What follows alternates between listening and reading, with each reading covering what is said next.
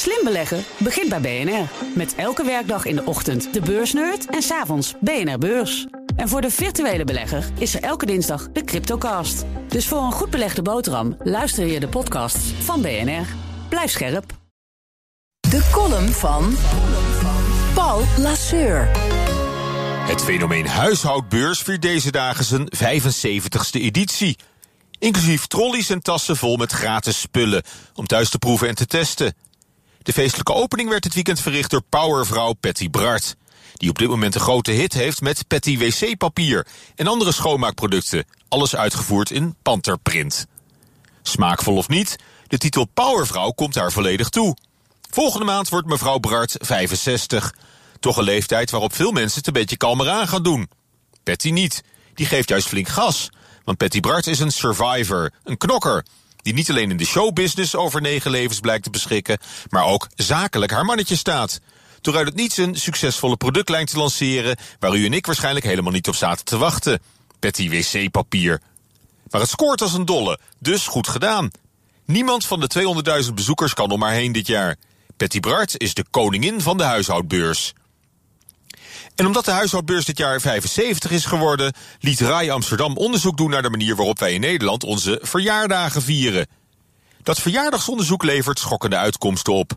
Zo blijkt ruim de helft van de jonge vrouwen, in de leeftijd 18 tot 40, verjaarsgeschenken meteen online te verkopen. Of door te geven als cadeau aan een ander. Slechts 45% houdt het zelf. Nu was wel bekend dat veel Sinterklaas en kerstcadeaus de volgende dag op Marktplaats belanden. Maar verjaarspresentjes? Toch opmerkelijk dat al die goed bedoelde persoonlijke attenties meteen alweer worden verpatst of afgedankt. Ben ik nu een enorme boomer als ik dat jammer vind, onbeleefd of respectloos? Want het zal de tijdgeest wel zijn, die inruilcultuur. We leven in een tijd van overvloed, waarin spullen en cadeaus steeds minder gevoelswaarde hebben. Niet de relatie, maar de transactie tussen gever en ontvanger staat voorop. Het leven is een marktplaats geworden. Het is een tendens die door webwinkels flink wordt aangewakkerd. Het Financiële Dagblad schreef dat webshoppers spullen die ze willen terugsturen geregeld mogen houden. Want voor producten onder de 25 euro is retourneren voor de webwinkel niet de moeite waard. Het verwerken van de retourzending kost dan alleen al meer geld. Want veel spullen die onbeschadigd terugkomen bij het winkelbedrijf worden toch uit de handel genomen of vernietigd. Dan mag de klant het net zo goed houden. Waardoor ze de producten gratis krijgen. En al dat gratis is knap waardeloos. Prettige maandag. Columnist Paul Lasseur.